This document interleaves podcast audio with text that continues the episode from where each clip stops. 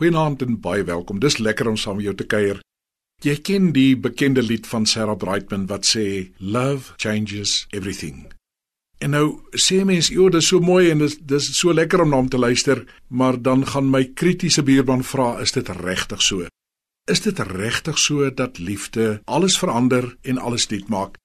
Kyk, 'n mens hoef nou nie negatief te wees om vir jou te sê dat ons in baie slegte en baie deurmekaar tye leef nie. Trouwens, ek dink nie net in Suid-Afrika nie, as 'n mens bietjie breër kyk en breër lees, die hele wêreld is ongelooflik deurmekaar op die oomblik. Is dit waar dat liefde regtig in homself die potensiaal het om alles ander te maak? Dit lyk vir my vriend as 'n mens so na die Bybel kyk, dan is dit die boodskap van die Bybel. Die Bybel sê dat liefde hierdie een knoopie is wat alles bymekaar hou gaan lees maar Kolossense 3 vers 14 waar hy sê dis die band wat al die dinge aan mekaar vasbind. As jy 1 Johannes 4 vers 8 wil lees, dan staan daar God is en dan is dit amper asof die skepping stil word.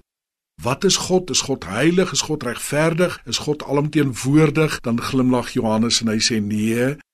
Hy sê as jy oor God wil praat, as jy van God wil weet, God is liefde. Nie God het lief nie, nie God is in staat tot baie liefde, nie God bewys liefde nie, God is liefde.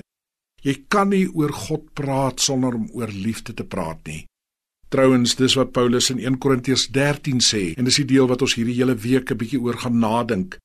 Hy sê ek wil julle help om julle toe te lê op die beste genadegawes en dan gaan hy 'n entjie verder aan en hy sê kom ek wys vir julle wat die allerbeste is. Hy sê al praat ek die tale van mense en engele, maar ek het geen liefde nie, het ek 'n klinkende metaal en 'n galmende simbaal geword. Soos die korporaal wat ons gehad het wat ook in die weermag was, 3 ure in die nag 'n asblik in die gang afgerol het en op ons geskree het: "Staan op, staan op," so sê Paulus. Jy kan die mooiste goed sê, die beste goed sê, die wonderlikste goed skrywe, maar as jy nie liefde het nie, dan is jy regtig soos daardie asblik wat in die gang afrol. Al deel jy al wat jy het aan ander uit, al gee jou liggaam prys en jy het nie liefde nie, dan baat dit jou niks nie.